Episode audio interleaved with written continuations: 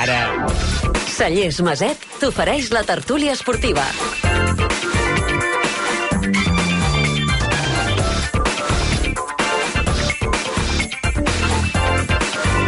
Santi Segurola, bon dia. Bon dia. Bon dia, Santi, bon any. Ara de, ara de seguida eh, també Jordi Bosch i Miquel Agut, que s'estan eh, estan a punt de connectar-se i ja els tindrem aviat. Mira, l'Agut ja el tenim. Miquel, bon dia. Hola, bon dia, Sergi. Bon dia, Miquel. Com tens la veu?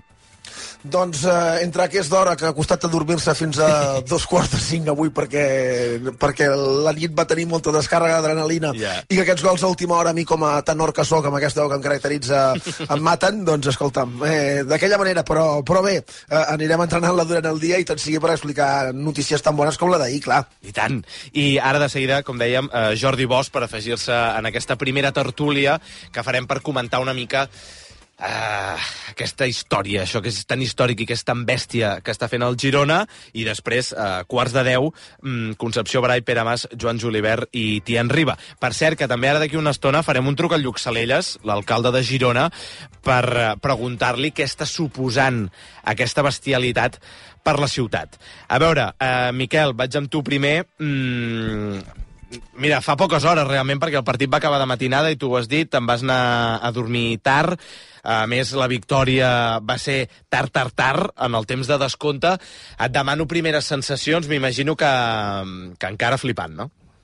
Home, doncs sí, perquè jo crec que eh, si hi havia algun equip que havia sotmès el Girona aquesta temporada eh, com, com mai va ser l'Atlètic de Madrid. A mi l'Atlètic de Bilbao a Montilivi em va agradar molt, però el grau de submissió que l'Atlètic de Madrid tot i que no va ser durant tot el partit, però sí a la segona part, durant un bon feix de minuts, va aconseguir sobre el Girona, em sembla que no l'ha aconseguit cap altre equip en tota la Lliga. I a partir d'aquí és un partit en què eh, podies haver estat perdent, però en una jugada puntual al temps afegit fas un gol que et dona la victòria i un esclat d'eufòria que jo no recordo a Montilivi.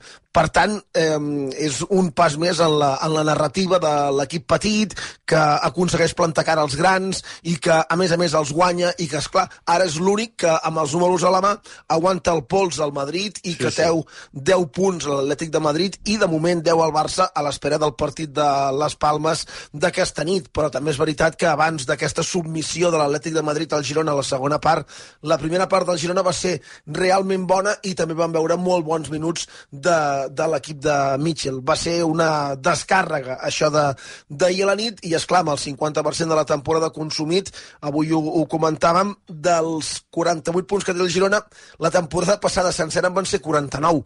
O sigui, és que en el, la meitat de la Lliga has fet gairebé tants punts com vas fent tota la temporada passada i amb un Madrid que no s'està deixant punts. Per tant, ah. això encara dona més valor a la temporada que està fent el Girona. Jordi Bosch, bon dia.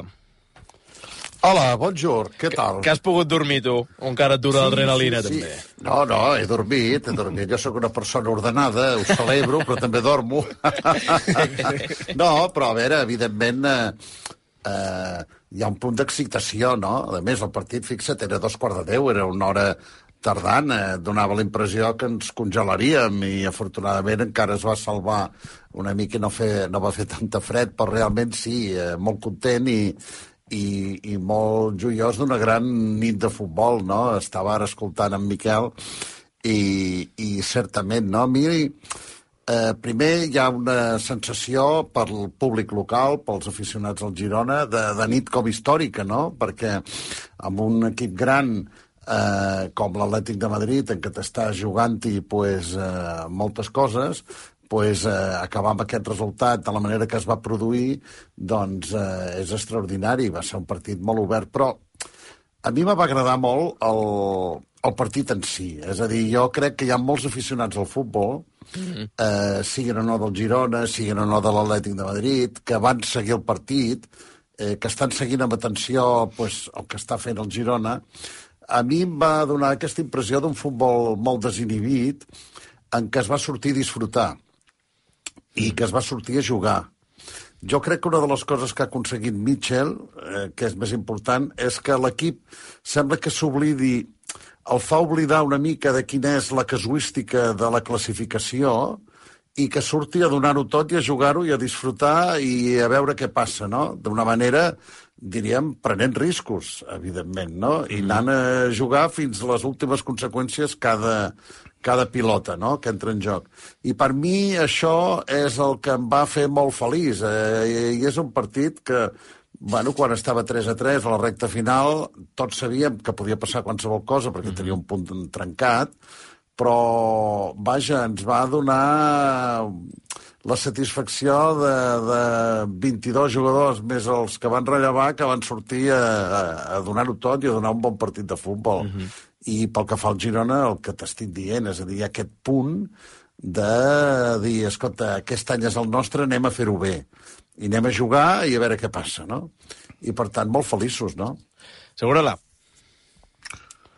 Bueno, antes que nada hay que decir que por la fecha de este partido, la sensación que, que yo tengo por lo menos es que más que un partido fue la culminación de un cuento de Navidad, ¿no? Estamos en las fechas en las que estamos y el Girona, eh, pues en la primera, el primer partido de- del año, después de la primera vuelta, bueno, se cerró ayer la primera vuelta del campeonato, se regala a sí mismo un 4-3 en términos, eh, no sé si épicos, pero desde luego eh, extraordinarios. Hay que decir un par de cosas, por lo menos para mí, con, respecto al Girona. La primera es que es cierto, lo pasó muy mal en el segundo tiempo e incluso en el primer tiempo el Atlético Madrid, que para mí jugó francamente bien, pero cometió errores muy graves, eh, defensivos, pérdidas de balón, eh, imprevistas en jugadores de contrastados, muy veteranos, con una trayectoria impecable en el fútbol, como Coque o como De Paul, que, son, que es campeón del mundo, por ejemplo, pero en parte viene también por la manera de jugar del, del Girona, que es agresiva, pero eh, a la vez es fina jugando a fútbol.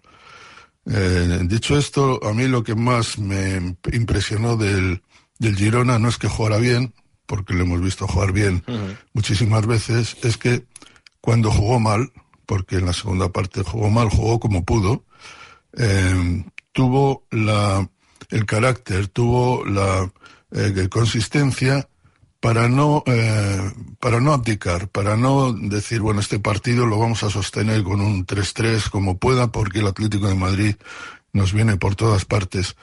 No, me parece que en el último cuarto de hora ese equipo decidió que si había que jugar el partido, a pesar de, de las dificultades que tenía, había que jugarlo a lo grande. Y ya en el último cuarto de hora llegaron oportunidades, un tiro cruzado de Dovic, eh, la ocasión final también, la, de, la del gol de, de Iván Martín, pero toda esa sensación de que eh, no se acepta como un equipo pequeño.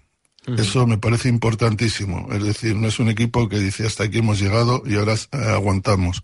Lo que dijo fue hasta aquí hemos llegado, pero vamos a ir un poco más adelante.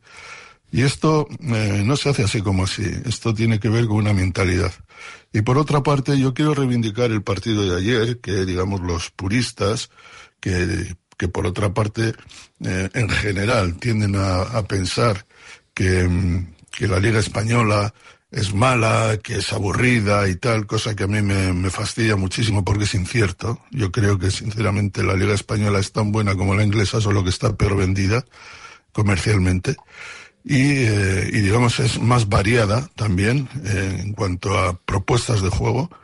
Creo que esto fue un regalo para el fútbol español, para la liga. Y lo creo porque si uno mira esta temporada los partidos del Girona, pero no solo los del Girona, ha habido partidos, por lo menos 10, 15 partidos, que han estado tan altos como cualquiera de los mejores de la, de la Premier. Pero no se dice. Y creo que es hora de reivindicar la Liga Española. Y la reivindica el Girona jugando como juega, pero no solo es el único. Hemos visto partidos enormes, el de la Real Sociedad frente al Barça, que perdió en el último minuto, fue tremendo. Eh, el Atlético eh, ha jugado varios partidos también extraordinarios, con remontadas de última hora. Partidos muy buenos, y por lo tanto creo que el Girona es un poco la proa, es un poco el mascarón de proa de esta liga en la que un pequeño se resiste a, a ser pequeño porque quiere jugar como un grande y lo consigue. Mm -hmm. És el que també, ara comentava el Santi, també com, comentava el Jordi Bosch, que si alguna cosa tenen els partits del Girona és que saps que pot passar absolutament de tot. És a dir, que d'entrada no saps què passarà i sí que tens una certesa que és com aficionat al futbol, més enllà dels colors. És el Girona, del Barça, de la Real Societat, del Betis, de qui sigui. Tu miraràs un partit del Girona i saps que tu passaràs bé i et dona la sensació a vegades que és, que és, és, que és, que és com que juguessin un altre esport, sobretot si ho compares, per exemple, que és veritat, eh, que hi ha hagut bons partits aquest any, i amb això estic d'acord, eh, Segurola, amb tu, eh, reivindicant una mica la, la Lliga Espanyola, que és veritat que s'acostuma a, a, a minusvalorar comparat amb, amb, amb la Premier League, perquè tu dius, està pitjor venuda. És cert, però també és veritat que hi ha partits de tot i hi ha partits com el Mallorca-Madrid d'abans, el Madrid-Mallorca, que el Madrid ho treu a dures penes i que tu vines després al Girona i et dona una mica la sensació com si juguessin a un altre esport. Llavors, una altra cosa que jo també volia comentar, no sé com ho veieu, Miquel, eh, Jordi, i, i Segurola, òbviament, que jo ja ho he comentat algunes vegades i potser m'estic fent pesat, però és que crec que hi han dues victòries recents del Girona que són les que demostren que és ferm candidat al títol, més enllà dels punts i de que hagi acabat eh, com a cocampió d'hivern. Que és la victòria contra l'Alavés, a casa, després de guanyar el camp a Montjuïc, després de guanyar el derbi, partit històric, guanyes per primer cop a la teva història al Barça, tens un partit a casa en dilluns, a les 9 del vespre, que feia un fred de nassos, i guanyes aquell partit sobradament. I la d'ahir, que més enllà de l'entitat del rival, i més enllà de, de, de que podies treure d'una manera o una altra, clar, és que el que demostres ahir és que també tens l'èpica ara mateix de, de la teva banda, perquè en el minut 91 l'Ivan Martín aquella jugada de fe, d'empentes i rodolons, aquella pilota que podria haver anat a qualsevol altre punt de, de la demarcació de Catalunya, va a l'escaire, Miquel. És que, clar, eh, eh, és això. Vull dir, al final, eh, per, per aquest relat que comenta el Segurola nadalenc del, del Girona, que eh, és nadalenc per la conjuntura, però que, que pot ser vist com de bonic que és, no? del petit que revela contra els grans i que vol que juga com, com ells, o fins i tot millor, i que vol instal·lar-se entre ells, eh, des d'aquest de, punt de vista del relat, eh, són victòries que són bàsiques per, per mantenir-lo, perquè d'una banda cohesionen l'interior i el doten encara de més seguretat en el que fa, però de l'altra fan que des de fora hi hagi gent que es pugui plantejar que sí, que això pot anar de debò i que per què no pots aconseguir una fita històrica que vagi més enllà d'entrar a la Lliga de Campions, que si això ens ho arriben a dir el mes de juliol o el mes d'agost, ens pensem que qui ens ho està dient s'ha begut tot l'alcohol que hi ha a, a Girona en una nit festiva i una mica més, no? Eh, i, I això és per, per mi és important. El, no havia guanyat mai el Girona l'Atlètic de Madrid en un partit de, de Lliga. Mai. No havia guanyat mai el Girona contra el Barça en un partit de Lliga. Uh -huh. Mai i aconsegueix guanyar, i entremig juga contra l'Alavés, i com dius, li'n fa 3 i amb una certa eh, parsimònia perquè el, el partit el té controlat i guanya amb facilitat. I pel Girona, qualsevol partit és difícil, per molt que tothom es pensi que ara no, que és colíder. El dia que el Girona es pensi que és el colíder, aquell dia perdrà. Aquell dia jugarà malament i perdrà. Mm -hmm. El Girona fins ara, si està fent el que fa, és perquè a banda de jugar molt bé, també té molt clar el discurs i si seguim l'evolució discursiva del Girona durant la temporada, jo crec que s'estan seguint els passos, com aquell cuiner que està fent una recepta i que va seguint els passos perfectament fins que tot queda perfecte i es presenta a taula i tothom queda enlluernat amb allò que està menjant, doncs el Girona està fent els passos que, que ha de fer. I de moment ara Mitchell parla d'Europa, tot i que té 10 punts de... Perdó, 13 punts de marge sobre l'Atlètic de Bilbao, sí. que ha de jugar avui a Sevilla, i que si no guanya, o que si perd, es mantindrà casa diferència de 13 punts amb el primer equip que el pot fer fora de la, de la Lliga de Campions i estan seguint el procés perfecte des de dins i des de fora i a més a més, evidentment, el relat i ajuda amb, amb, aquestes, amb aquestes victòries que no s'havien produït mai a primera i contra equips grans. Clar, el paper de Mitchell aquí, oi, Jordi Bosch? Home, el, partit, el paper de Mitchell és extraordinari però diríem, eh, des del punt de vista esportiu es veu en el terreny de joc, però es veu com fa jugar el seu equip i per tant poca cosa s'ha d'explicar, no? És un equip que va a totes i que qualsevol pilota la lluita fins al final i, i pren riscos, no? però mm, a més és un home que no, diríem, eh, insisteixo en una idea que és, que és que ha aconseguit que en general no s'estiguin fent números. Mm -hmm. O sigui, el Girona no està fent números, a veure quants ha de guanyar, quants ha de fer per assegurar, etc, sinó que està sortint cada partit a, que a aprofitar una cosa que se n'ha donat tothom, els jugadors, i l'entrenador primer, tot el club, eh, els aficionats, és que aquest equip eh, eh, té el seu any. té el seu any i l'està aprofitant, no? Ha dit eh, una referència l'estimat Santi eh, que parlava dels puristes que diuen que podria... Té raó, no? És a dir, el futbol has de veure bons partits i se n'estan veient bons partits, no? Hi ha un llibre de l'Enric González que es diu Històries del Calcio, del qual l'inductor intel·lectual a fer-lo és en Santi Segurola, que és un llibre extraordinari que explicava que una de les peculiaritats del futbol italià, eh, sempre s'ha dit el calcio, etc, és quan a vegades un partit acabava 0-0, els jugadors dels dos equips es felicitaven com si haguessin arribat al màxim èxit, no? és a dir, aconseguir que ningú marqués un gol, no? I em semblava que estava tan ben explicat per l'Enric González, perquè és un home que escriu molt bé, eh, que, mm, que de vegades ho penso, sobretot quan veig partits com els d'ahir, en què tots els equips van prendre riscos, tots els equips van tenir frivolitats defensives suficients, eh, no, no frivolitats o situacions defensives perquè els altres marquessin, sens dubte, però que mm, realment un partit així, que acaba d'aquesta manera, amb set gols, que els puristes poden dir pues, és que aquí eh, aquests han jugat a fer una costellada, a veure qui guanyava i que venia a fer gols. No és així, és a dir, varen veure un futbol molt entretingut i aquestes coses alegren la vida, i és el remat del conte de Nadal que, que, que deia en Santi, no? Al final d'aquest conte de Nadal. Jo crec que eh, eh, perquè tinguis aquests números com els que té el Girona, amb 15 victòries, 3, 3 empats i una derrota, i fixa't, ha empatat amb equips que estan fent bon futbol, que estan aspirant també, l'Atlètic de Bilbao aquí va fer un partit, va ser un partit estupendo, mm. d'un empat a un, eh, va, anar a empatar la Real Societat, camp del Real, el dia del Betis també sí. va haver-hi, va, va poder passar de tot, mm, perquè hi hagin aquestes coses tu has de jugar bé i les coses t'han d'anar de cara, també.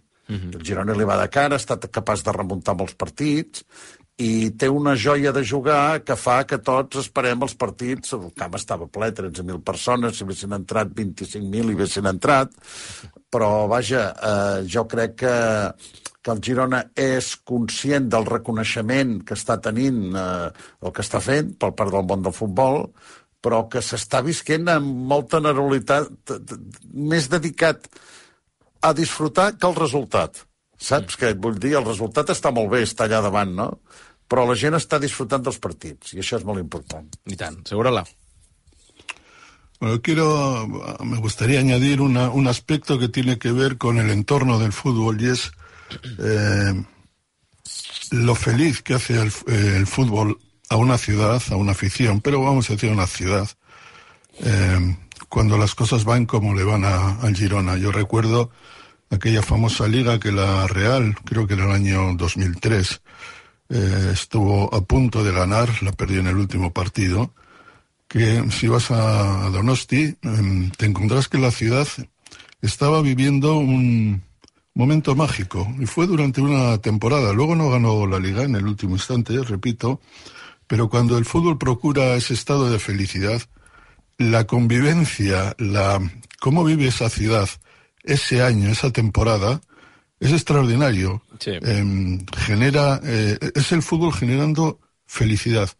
Y creo que eso es lo que también está haciendo el Girona. Está proporcionando al fútbol que tantas veces eh, merece críticas y tiene eh, momentos intempestivos y sufrimientos enormes y, y, y, no siempre te aboca a lo mejor, generalmente te aboca a lo peor, ¿eh? a sufrir, a pasarlo mal, a quejarte, a criticar. eh, esta temporada en Girona yo creo, no he estado en la, en la ciudad, pero tengo la impresión de que se está viviendo un año mágico y lo se está viviendo ya, eh, supongo, fuera del fútbol, que es lo que el fútbol está eh, concediendo, transformando a Girona, a, a toda la comunidad de, Girona. Y esto me parece importantísimo, ¿no? Cuando eh, el fútbol traslada una especie de, euforia, de, felicidad social, comunitaria, que es muy difícil que cualquier otra cosa te lo pueda, te lo pueda conceder.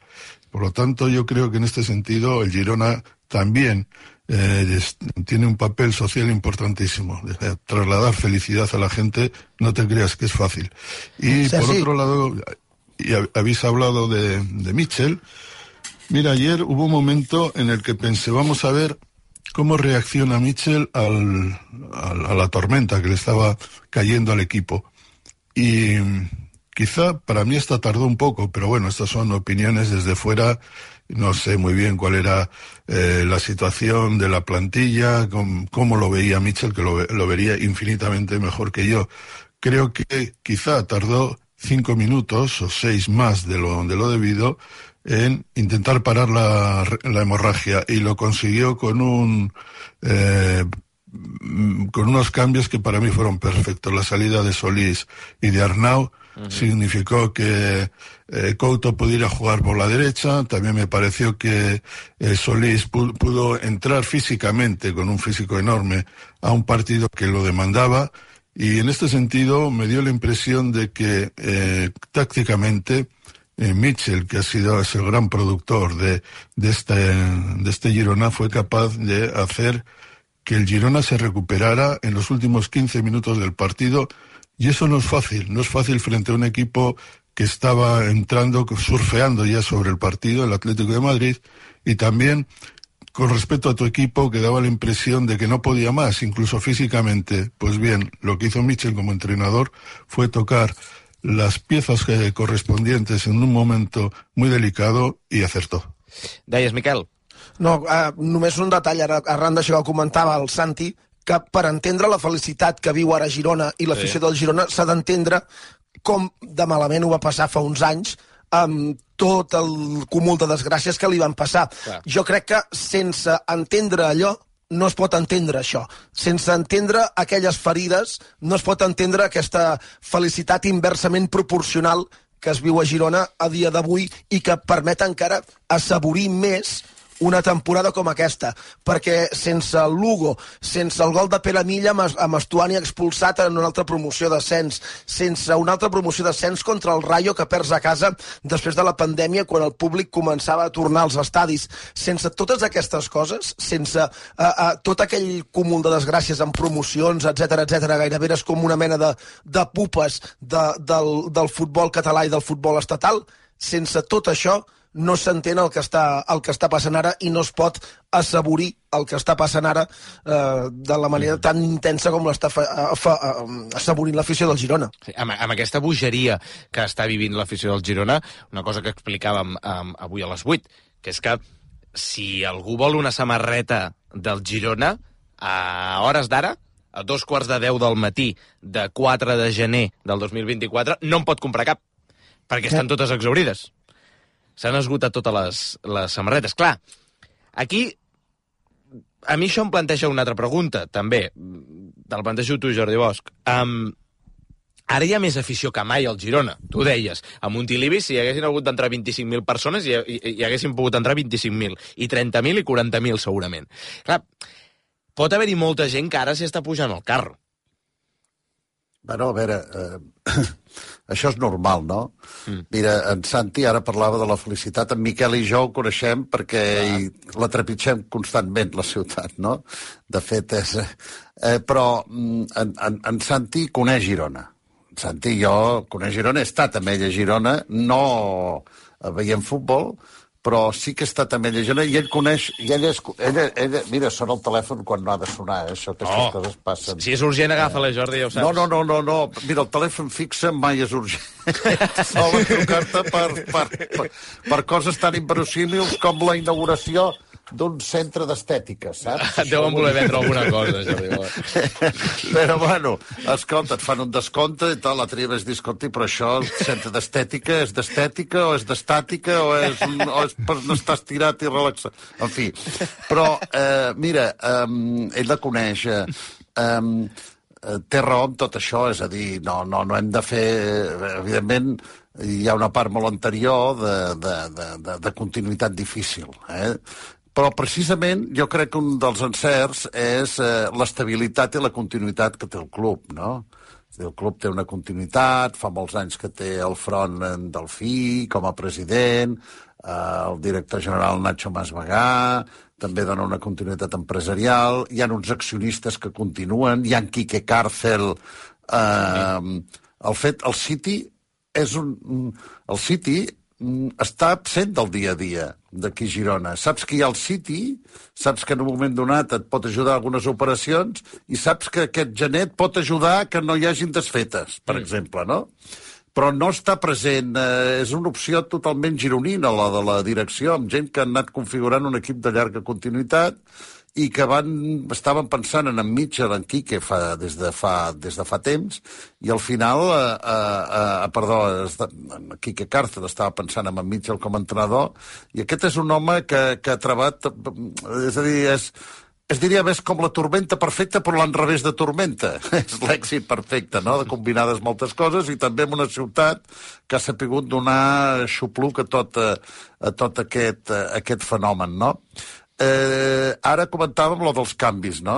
Per, per veure com és Mitchell. És a dir, jo realment, quan va haver aquell quart d'hora tan fort de l'Atlètic de Madrid a la segona part, que va tenir tres o quatre oportunitats clares, sí. jo vaig mirar cap a la banqueta i vaig, i vaig dir, a veure, a veure què fa, a veure què fa, perquè si una virtut d'aquest home és que sap llegir molt bé els partits i sap interpretar bé els canvis, que és un dels encerts dels grans entrenadors. Aquest, el Sapiguet, té a la banqueta una sèrie de jugadors que ara són més els que poden sortir d'aquests dos històrics que podien sortir fa anys, eh, pots refer l'equip i refer un davant d'una circumstància adversa. I el vaig veure, va estar dos o tres minuts, dos minuts, ell que corre molt, que es treu l'anorac, mira que feia fred, es va treure l'anorac, va quedar quiet. Va quedar quiet i va estar com un moment mm, acabant de perfilar el que feia falta. Potser són els 5 minuts aquells que deia en Santi ara i va fer uns canvis que realment van servir per parar el cop en aquell moment, que és per lo que has de fer. És a dir, quan el gran repte dels entrenadors per part de l'afició, dels crítics, dels periodistes, dels afeccionats, de la gent de futbol, és veure és demostrar que és un gran entrenador quan passen aquestes coses, no? Uh -huh. Després tens el que tens a la banqueta, eh? però ell ho va saber aprofitar molt bé. Però vaja, eh, jo em quedo amb l'idea del partit magnífic que vam veure ahir, d'un equip que sobredonar-ho tot i que està pensant només en el dia del partit. Això jo crec que és molt important, insisteixo que aquesta idea la té, ningú està fent números ni ara, ni encara, ni després, van sortint, i escolta, s'ha d'arribar fins on es pugui arribar. Eh, o sigui que el compte que han vingut els Reis abans d'hora. Eh?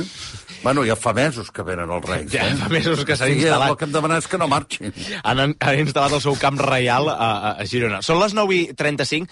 Deixeu-me anar un moment al Cort Inglés, Oh, i tant. I quan torni acabem, eh, acabem de parlar de, del Girona i d'aquesta gesta, gesta històrica. A veure, anem al Cort Inglés. Més ben xivat que encara no tenim per aquí la Noemí, sinó que tenim la Rosó. Bon dia, Rosó. Bon dia i bon dimecres. Hola. Benvinguts al lloc on sempre la màgia de regalar pot amb tot. Només has d'aprofitar la millor selecció de productes amb fins al 40% de descompte fins al 5 de gener i només al Corte Inglés. La màgia de regalar amb una selecció única de marques i ofertes en llar, bellesa, moda i molt més. Si vols començar el 2024 renovant la teva llar, tens un joc de paelles Efficient Pro de Bra al 40% de descompte o una bateria de cuina d'acer inoxidable de 5 peces Essence de Zwilling al 40% de descompte també. Al mateix descompte trobaràs a Tèxtil Llar en una selecció de fundes nòrdiques, jocs de llençols, adredons i mantes al corte inglès. I per a les teves festes, aprofita les ofertes en alimentació com un 80% de descompte a la segona unitat de tots els fumats refrigerats de la Balinesa. O si compres un pack de 24 llaunes de Coca-Cola i un panetone de la marca Paluani, et surt tot per 22 amb 19 euros. Un fester d'estalvi de 4 euros. Fins al 5 de gener, un moment màgic per regalar només al Corte Inglés. A botiga, web i app. Feliç 2024. I us recordem que aquest diumenge 7 de gener les nostres botigues estaran obertes en el seu horari habitual, de 9 del matí a 9 del vespre. I això és tot per avui. Fins demà.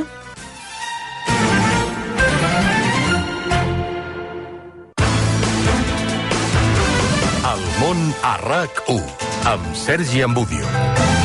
9 i 39, ara de seguida tertúlia amb Concepció Barai, Pere Mas, Joan Julivert i Tian Riba, aquí al Món però ara fa una estona que estem eh, xerrant del Girona i d'aquesta absoluta bogeria amb el Miquel Agut, el Santi Segurola i el Jordi Bosch. Um, abans d'anar acabant, Miquel, tu que ho tindràs més clar segurament amb, amb rumors, etc es parla més, es parla menys, clar, el Girona, i això també entronca molt amb, amb, aquesta estructura que deia el Jordi Bosch, que això s'ha d'explicar molt, que és veritat que hi ha l'estructura del City Group a darrere, però que el dia a dia és una gestió que es fa des de Girona, amb gent eh, que, eh, que aposta per la ciutat i gent de la ciutat, i gent del club, per tant, això és una cosa que cal quedar clara, però és veritat que hi ha l'estructura del City que dota tot el, tota la infraestructura de molt més múscul. Però el Girona ha de patir gaire ara mateix per la possibilitat Miquel, que se li escapin jugadors pròximament? Jo crec que no. Uh, pròximament vol dir aquest mercat d'hivern. Quan s'acabi la, la temporada eh, ho, ho veurem.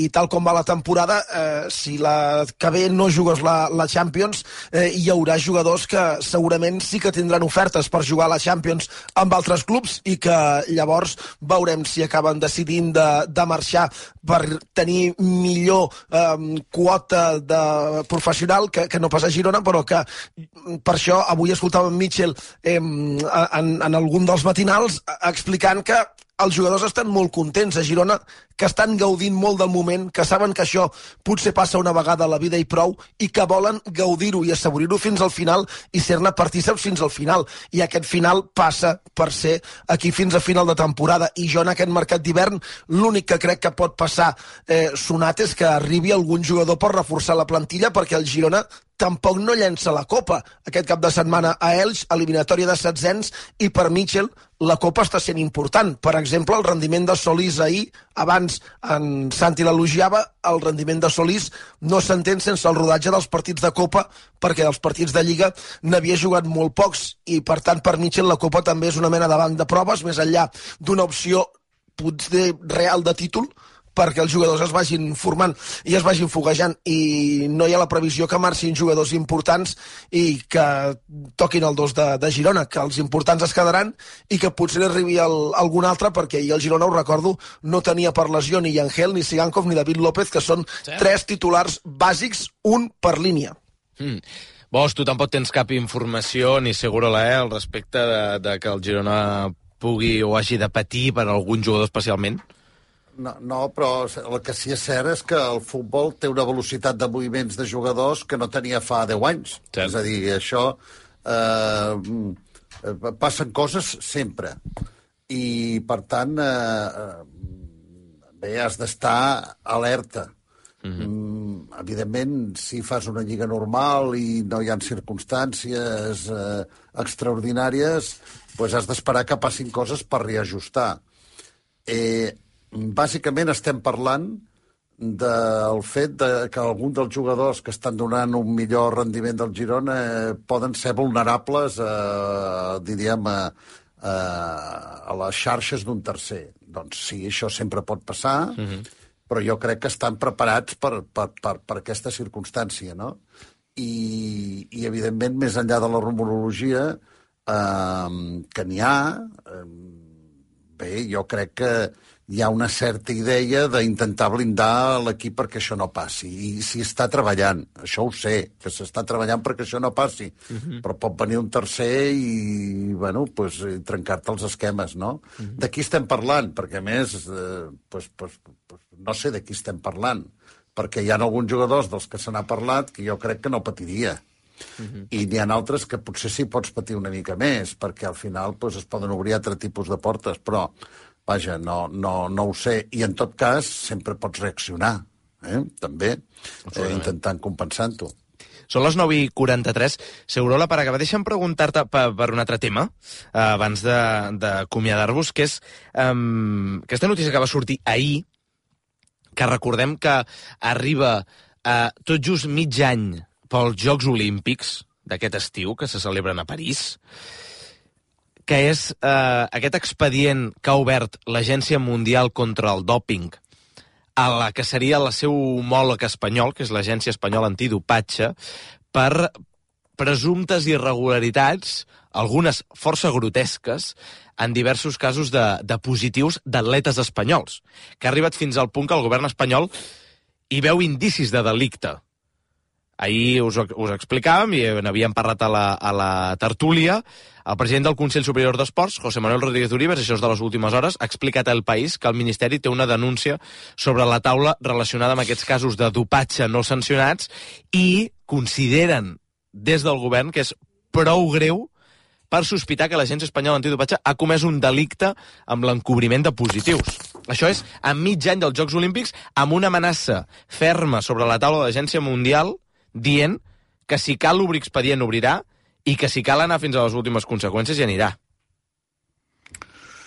Sí, eh, es un tema muy eh, feo, muy desagradable mm. para, eh, digamos, el prestigio de, del deporte español. Hay que decir que el deporte español eh, no es uno, no es un país cualquiera. Es decir, es un país que está reconocido eh, ahora mismo entre los mejores de Europa, eh, en muchísimas especialidades. Es decir, tienes campeones por todas partes, en deportes individuales y colectivos. Y esto viene de lejos. Es decir, esto viene, eh, se puede decir desde Barcelona, pero hay que decir la verdad. Yo creo que hay un tinte de, de sospecha con respecto al, al deporte español, por lo menos desde fuera, desde el extranjero se ve así, y también yo creo que desde, desde España, que eh, de alguna manera mancha este prestigio.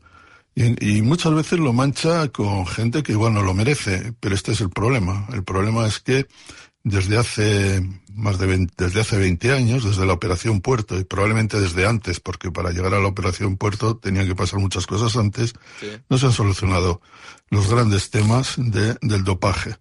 Y si ocurre, si se llega a este punto donde se ve connivencia de la Agencia Española Antidopaje con prácticas que no son de ley, pues el caso es, eh, es eh, terrible. Estamos acostumbrados a que muchas veces eh, campeones españoles sean puestos bajo sospecha y se protesta mucho en España porque se ponen bajo sospecha a nombres muy, muy queridos por, el, eh, por los aficionados españoles, pero luego pasan todas estas cosas y te obliga a reflexionar qué está pasando con este asunto. Es decir, eh, da la impresión de que eh, en, en, el deporte español hay una mirada hipernacionalista que es incapaz de comprender el daño que se está haciendo a sí mismo con ocultamientos, con tramas, con decisiones, con intervenciones políticas, las hemos visto, o sea, con, ya recuerdo el caso Contador, eh, que desde luego no le hacen ningún favor al deporte español y lo manchan. Es decir, muchas veces hablamos de Rusia o de, no, no te digo ya de, del deporte de la antigua Unión Soviética, el RDA, eh, pero en este caso, eh, España tiene que tomarse en serio, que no se lo ha tomado, tiene que tomar medidas drásticas, tiene que tomar medidas que, por ejemplo, las tomaron los franceses e incluso los italianos, pero eh, que en España no, no se toman. Y cada año que pasa, cuando salen estas cosas, y a seis meses de los Juegos Olímpicos, digamos que ya vas con el prestigio bastante alterado, con el prestigio muy tocado. Y eso es un puede ser un efecto devastador para el deporte español y para sus mejores campeones, pero también para la base del deporte español. O el ministerio, por cierto, el nuevo jefe del deporte español fue ministro de, del ramo, eh, se lo toma en serio de una vez o siempre estaremos a vueltas con este asunto que es muy, muy feo. Gracias, Santi. Um, gràcies, Miquel Agut, també. Gràcies, um, Jordi Bosch. Molt bé. Aneu, aneu a descansar i a continuar gaudint de, de tot plegat. Home, jo, a veure, eh, eh, amb contenció, sí. en la intimitat, eh, evidentment, quan vaig tornar a casa, em vaig posar al partit, em vaig encendre un coiba d'aquells que ha, com si jo en tenia, i vaig obrir un whisky de Malta per compensar-ho. I en aquella intimitat, escolta, doncs, evidentment vaig gaudir, també em vaig quedar dormit al final. em va despertar l'últim gol, no? Els crits. Jordi, Jordi, Però- me dan ganas de visitarte hoy mismo, ¿eh? Oye, eh, eh, este está hecho, ¿eh? Este está hecho. Te envío, te envío, daba dir, te envío la bon- eh, l'avión privado del City. sí, que, que creo que no lo hay, pero bueno. Una, solo, solo una cosa del City. Es cierto que le, eh, le, le aporta un- una estructura, una cierta, un cierto músculo. Pero eh, la gente empieza, eh, confunde un poco la situación del Girona con el City. Es cierto que tiene algún jugador que eh, ha estado eh, en el universo City, pero ninguno de ellos ha jugado. Es decir, Eric García sí jugó, pero lo fichó el Barcelona y ahora no tiene nada claro. que ver con el City. Couto no ha jugado un partido con el City y los ha jugado casi todos en el Girona desde hace muchos años. ¿eh? Sí. Es un jugador hecho en el Girona. En cuanto a Yangel, Yangel Herrera ha pasado por el Granada, ha pasado por el Español, es decir, es un jugador eh, que se le conoce en España y en la selección venezolana, no en otro lugar. Y en cuanto a Alex García, que tiempo atrás, mucho tiempo atrás, también perteneció al City, es un jugador que ha dado vuelta por muchas, mu- por muchas ligas. Hace dos, tres años estaba en el Eibar en segunda división y tal. O sea que hay que tener mucho cuidado con lo que significa el City con el Girona. Ese es un, el proyecto del Girona, lo que yo veo desde aquí, es estrictamente eh, gironí, como dice eh, Bosch, Jordi, y también es un proyecto muy particular dentro de un universo en el que el City de alguna manera pues controla, vigila, pero que no veo que nada de lo que esté ocurriendo ahora mismo en este club tenga que ver con una eh, profunda influencia del, del- del City. Me parece que la, pro- pro- la profunda influencia corresponde a la gente que lo está haciendo allí, a Pera Guardiola, evidentemente, a Quique Cárcel, que se ha revelado como un director deportivo sensacional, a la prudencia y la mm, sensatez de- del Figeli, y en general, y por supuesto, al, eh, a la obra, a la, a la mano maestra de Mitchell. Todo eso ha ocurrido allí en Girona, no ha ocurrido en, en Manchester. Sergi, em mataràs, et demano 30 segons molt ràpids, Va, 30 però so, so, sobre això, um, clar, eh, ara, per exemple, en el cas de Cheverry, aquest jugador que fitxa el City Group um, del, de, de River Plate, clar, el City Group, al final, eh, fins ara tampoc no cedia al Girona, com diu el Santi, jugadors que estiguessin fets i drets, o tampoc no li va cedir Julián Álvarez, per exemple, perquè ja va veure que era un jugador fet. Però en el cas de Cheverry, si acaba arribant a, a Girona cedit pel City, és perquè també el City veu que si hi ha un lloc on pot foguejar els seus jugadors dins del seu grup perquè millorin i, a més a més, aprenguin a jugar futbol gairebé com ho farien a Manchester, és a Girona. Esclar, la- el Girona està creixent tant i està millorant tant els jugadors que potser d'aquí un any o dos els veiem en altres llocs i no semblen tan bons com ho semblen ara, que el City Group diu, home, si algun lloc s'han de fer, és allà. La prova de tot això és en Sevilla. A veure, Bosch, digues, digues. que no és del City, sinó més aviat és el grup City que està pel mig. És a dir, també són dues coses diferents, perquè la Lliga de Futbol Professional està observant amb lupa els moviments d'aquest grup per no connectar el Manchester City amb el Girona. Evidentment, no vol que hi hagi un vas comunicant. I no hi és, no? En, en, en, Savinho és un noi que ve de l'Atlético Mineiro i se'n va en un club que es diu Troyes, que està a França malvivint, Y donde no juega. Eh, que, és de, que no juga, que és del grup City, el Troyes, i tenen aquest nano, el porten a l'Eindhoven, juga amb el segon de l'equip de- d'Eindhoven, no fa gaire res, no saben què fer amb ell, i en un moment donat en Quique Càrcel i el seu equip el veuen, i diuen, hòstia, aquest nano que ens han passat i tal, portem-lo cap aquí. Aquest tio s'ha fet aquí. Aquest, no, aquest noi no és del City és del Girona, és de via Troyes francès, etc, però futbolísticament és del Girona. Per tant, a veure, vull insistir en aquesta idea. Sí, sí. Hi ha una lupa, ha una espasa sobre qualsevol operació entre el City i el, i, el, i el Girona per part de la Lliga, que no vol que hi hagi aquí uns moviments econòmics que no han pogut existir i no existeixen. Mm. Bueno, senyors, ara sí. Vinga. Uh, moltíssimes gràcies, Miquel Agut, Santi Ja Segurola i Jordi Box. Ja esteu. Vinga. Ja esteu. Ja. Adéu gràcies. i bon any a tothom. Bon any a tothom. Moltes gràcies a tots tres. Són les 9 i 53, pràcticament les 9 i 54. Petita pausa per la publicitat, breu, i Pere Mas, Joan Julivert, Concepció Barai i Tian Riba.